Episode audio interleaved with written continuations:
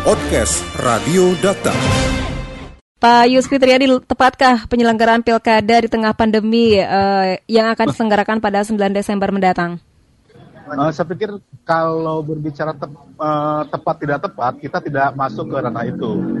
Namun saya akan runut dari dasar hukumnya, kenapa kemudian muncul pilkada uh, ditunda lagi atau kemudian dilanjutkan. Yang pertama, kalau kemudian kita melihat Perpu nomor 2 tahun 2010 eh 2020 yang itu merupakan uh, uh, apa amar keputusan di mana penundaan pilkada 2020 itu itu dikasih tiga opsi. Yang pertama ditunda selama tiga bulan, ditunda selama enam bulan, dan ditunda selama satu tahun. Artinya maksud saya itu opsional dan mereka pemegang keputusan baik Komisi 2, Kemendagri, KPU, Bawaslu, dan DKPP itu juga sadar betul bahwa kemungkinan ada kemungkinan-kemungkinan yang tidak mungkin dilaksanakan pilkada itu. Gitu. Nah yang kedua, kemudian ada juga klausul dalam uh, pasal 201 poin A itu angka tiganya itu juga jelas di situ muncul bahwa seandainya pilkada tidak bisa dilaksanakan tanggal 9 Desember 2020 maka akan diundur ke tahun 2021. Artinya kemudian eh, para pemegang kebijakan, para stakeholder pun cukup sadar bahwa berbagai macam kemungkinan sangat mungkin terjadi.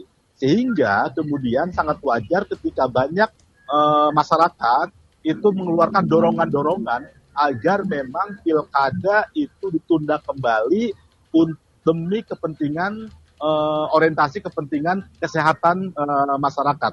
Nah, kalau kemudian kita melihat runutan itu, maka saat ini misalnya realitasnya seluruh lembaga pendidikan juga tidak boleh tetap buka. Kemudian juga pusat-pusat perbelanjaan juga dibatasi. Uh, banyak hal yang juga kemudian juga dibatasi. Nah, tapi kok kenapa kemudian pemilu tetap dilaksanakan padahal amat sangat besar potensi-potensi yang akan menimbulkan klaster baru yang diakibatkan oleh penyelenggaraan pemilu.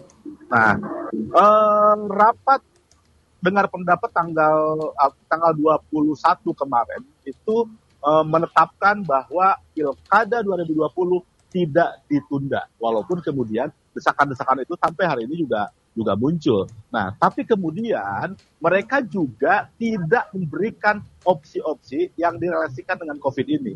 Misalnya, kampanye tetap mereka memberikan peluang untuk tetap buka, kemudian juga tahapan-tahapan yang lain juga eh, termasuk misalnya tahapan eh, penyelesaian sengketa, persidangan, juga kemudian tidak ada opsi-opsi lain. Sehingga maksud saya ketika kemudian tidak memberikan opsi-opsi padahal kondisi negara kita dalam kondisi darurat, maka amat sangat berpotensi untuk mempercepat penularan COVID uh, di yang diakibatkan oleh klaster penyelenggaraan pemilu.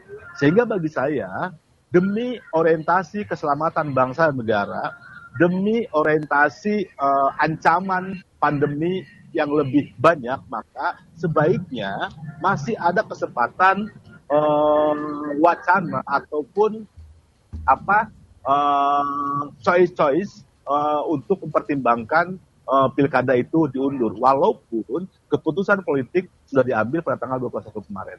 Saya pikir itu Mbak Ulfi. Baik. Nah ini bahkan ada dari toko nasional yang menyatakan golput jika uh, pilkada tetap dilaksanakan dan bahkan sebelumnya juga ada petisi dari pemerhati uh, pemilu yang uh, menyatakan harus ditunda ini pilkadanya.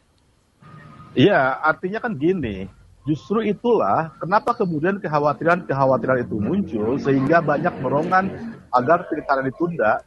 Itu kan salah satu potensi yang akan sangat muncul, mungkin muncul adalah bagaimana partisipasi pemilih.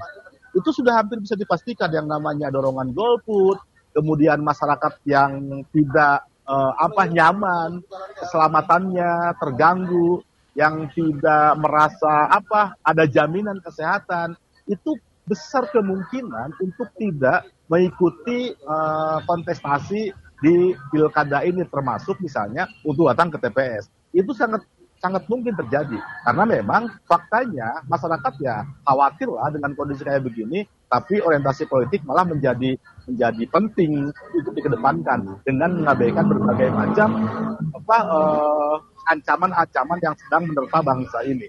Uh, sampai hari ini kemudian jaminan-jaminan untuk uh, membuat nyaman masyarakat itu tidak muncul. Yeah. Contoh misalnya, uh, di pada pendaftaran pasangan calon kemarin itu juga sangat jelas kemudian baik KPU, Komisi 2, kepolisian, pemerintah tidak mampu mengendalikan atas kerumunan warga. Tidak mampu, itu kan faktanya ada yang konser segala macam, iya. ada yang membawa pasukan, dan seterusnya. Terus bagaimana kemudian jaminan tahapan-tahapan berikutnya clear dari semua itu? Tapi kan nggak ada yang mampu menjamin. Hmm. Dan sampai hari ini pun penegakan peraturan atas penanganan COVID pun tidak jalan berkaitan dengan penyelenggaraan pemilu. Ya. Itu bau. Baik, kemarin juga uh, sempat ditegur ya uh, oleh ya. pihak penyelenggara yang melanggar protokol kesehatan. Nah, jika nantinya di uh, perjalanan masih ada yang melanggar protokol kesehatan, kabarnya akan didiskualifikasi ya? Uh, nah itulah itu yang kemudian saya pikir uh, apa kalau hanya sekedar teguran, kalau hanya sekedar peringatan, baik tertulis maupun tidak tertulis seperti kemudian Kemendagri kemarin menegur uh, incumbent yang maju lagi uh, akan menindak dan menegur saya pikir itu tidak akan punya implikasi apa pun. Mm -hmm. Nah sayangnya kemudian tidak sampai pada diskualifikasi, namun sampai pada akan diproses uh, bila itu menyangkut pidana. Itu saja gitu loh. Iya. Tidak ada kemudian klausul eh, klausul-klausul yang menunjukkan akan diskualifikasi. Iya. Berarti urgensi tidak um, mengubah PKPU ini? Wah sangat sangat urgen, sangat urgen. Jadi hari ini posisinya keputusan politik sudah diambil bahwa pilkada tidak ditunda. Nah sekarang bagaimana kemudian para stakeholder uh, pemilu, baik itu Komisi 2, Kemendagri, KPU, Bawaslu, dan DKPP itu menata kelola pemilu untuk menjamin masyarakat agar masyarakat bisa aman, nyaman, dan tidak khawatir terancam kesehatannya ketika mengikuti pilkada. Itu saja. Tapi kemudian, kalau melihat presiden pendaftaran pasangan calon kemarin, maka saya pesimis bahwa peraturan bisa ditegakkan. Saya pesimis masyarakat bisa tidak khawatir dengan kondisi ini. Ya. Itu, jika peraturan uh, diubah uh, masih keburu tidak istilahnya kita kan mengejar waktu ini banyak tahapan-tahapan yang harus dilalui. Ya, uh, saya pikir bagi DPR, bagi pemerintah apa sih yang tidak yang tidak bisa tepat itu loh. Iya. Artinya kalau mereka berkehendak baik, mereka punya kemauan, apa pun bisa mereka laksanakan. Kita masih ingat undang-undang KPK.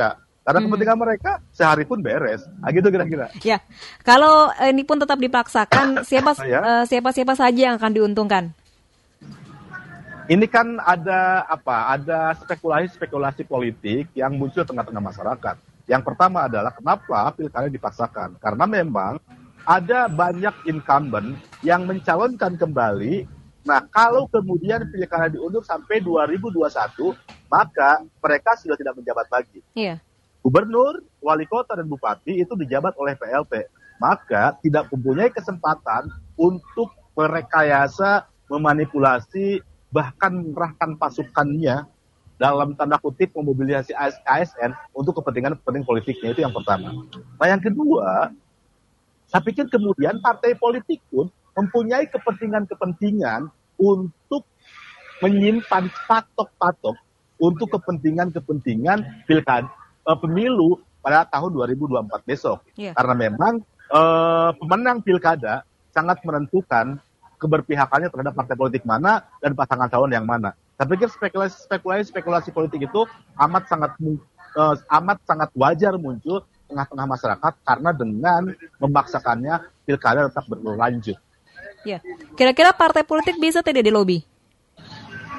Uh, saya pikir gini, apa uh, Komisi 2 itu yang mempunyai yang langsung incas uh, menangani urusan uh, pemilu ini. Mm -hmm Kemudian juga ada Kemendagri yeah. yang juga kemudian langsung incas menangani urusan pemilu ini. Dan di situlah kemudian mereka merupakan, terutama Komisi 2, adalah jaringan partai politik-partai politik.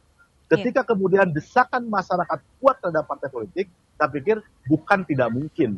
Kemudian partai politik akan menginstruksikan kader-kadernya yang ada di Komisi 2 untuk berubah berbagai macam peraturan demi keselamatan bangsa dan negara. Baik, jadi istilahnya masih ragu ya apakah uh, bisa di uh, lobby ataupun diajak musyawarah terkait dengan hal ini. Nah, tentunya dari masyarakat uh, sendiri apakah akan uh, apatis lalu partisipasinya akan menurun di pilkada kali ini? Kalau kemudian melihat apa ya, melihat dinamika dan dialektika perkembangan hari ini, misalnya Muhammadiyah, NU, dan beberapa teman-teman NGO mendesak dari awal untuk menunda pilkada, itu kan kemudian sangat berpotensi untuk menimbulkan apatisme, bahkan mereka tidak ikut berpartisipasi politik dalam pilkada 2020 ini. Pertama. Yang kedua, masyarakat sendiri itu tidak mempunyai jaminan dari pihak mana pun yeah. atas kesehatan, atas keselamatan nyawanya untuk tidak terkonfirmasi COVID karena dengan kerumunan massa yang berpotensi menimbulkan klaster itu.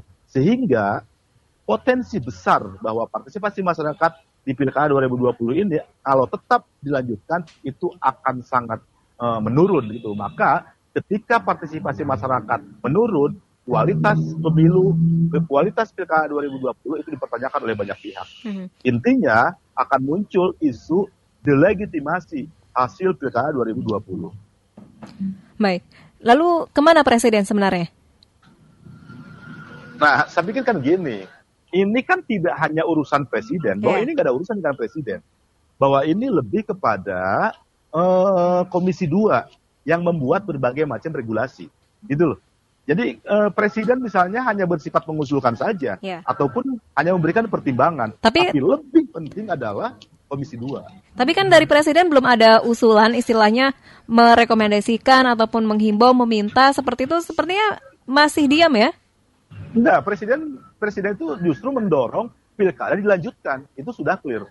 Gitu loh. Tapi kesehatan diabaikan ya? Nah, kalau dalam perspektif saya itu, jadi pilkada 2020 itu lebih mementingkan orientasi politik elit dibandingkan dengan uh, ancaman keselamatan masyarakat. Ya, ini kan juga sudah mendapat desakan dari uh, para pakar kesehatan, epidemiolog dan lain sebagainya. Uh, kira-kira ke depannya akankah dipertimbangkan kembali ataukah sudah final ini? Saya pikir kan gini, apa uh, terkadang kan para para elit kekuasaan kita itu itu harus melihat empiris dulu. Kalau sudah ada presidennya aja, baru mereka berpikir. Amat kecil perspektif antisipatifnya. Itu nah makanya saya pikir saya berharap pada tadinya fenomena pendaftaran pasangan calon yang jauh dari memegang protokol COVID dan jauh dari penegakan peraturan itu akan menjadi presiden. Tapi nampaknya mereka abaikan itu dan mereka uh, dalam tanda kutip tidak langsung berjanji yeah. kondisi itu tidak akan terjadi, terjadi lagi. Padahal bagi saya tidak ada uh, potensi itu bisa diminimalisir itu loh karena memang aturannya pun masih tetap memberikan pilihan-pilihan. Iya.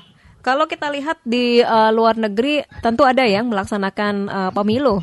Bagaimana? Ada. Uh, Apakah bisa diterapkan sering, Indonesia? Ah, yang sering dijadikan contoh adalah Korea Selatan yang sukses dan berhasil menyelenggarakan pemilu di tengah pandemi.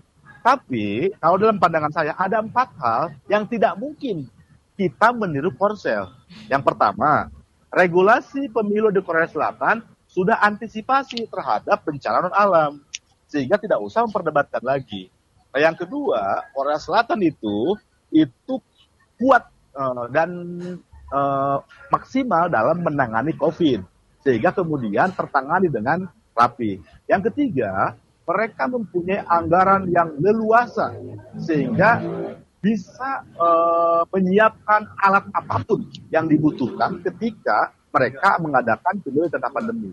Yang terakhir, tradisi dan adat uh, kebiasaan di Korea Selatan taat hukum, patuh aturan, disiplin itu kan sudah menjadi rahasia umum bahwa yeah. mereka kira-kira tidak seperti di Indonesia. Nah ada empat hal itu yang tidak mungkin kita meniru Korsel itu loh kira-kira. Sehingga yeah. jangan kemudian kita berpikir Korsel pun bisa, Korsel pun bisa, karena memang empat hal itu mereka terpenuhi.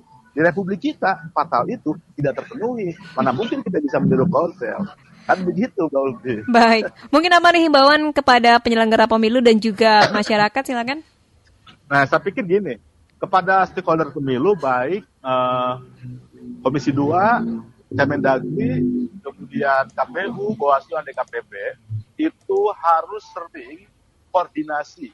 Itu bila perlu, jangan kemudian hanya RDP saja. Itu loh. Bahkan mungkin rutin setiap minggu, setiap bulan, bahkan diseringkan supaya memang berbagai macam masalah itu langsung terpotret dan langsung diambil solusinya. Nah, yang kedua, kalau kemudian pada tahapan-tahapan penyelenggaraan pemilu berikutnya itu masih ditemukan berbagai macam potensi yang mengakibatkan percepatan penyebaran COVID dan menimbulkan klaster baru, maka jangan ragu-ragu kemudian demi keselamatan bangsa pilkada diundur lagi.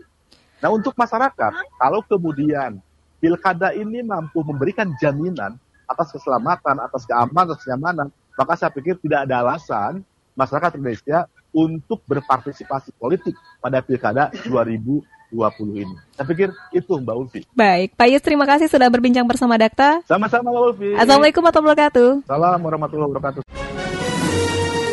Podcast Radio Data. Anda cukup masuk ke mesin pencari Google atau lainnya dan tinggal mengetik podcast Radio Data. Podcast Radio Data, aktual dan informatif.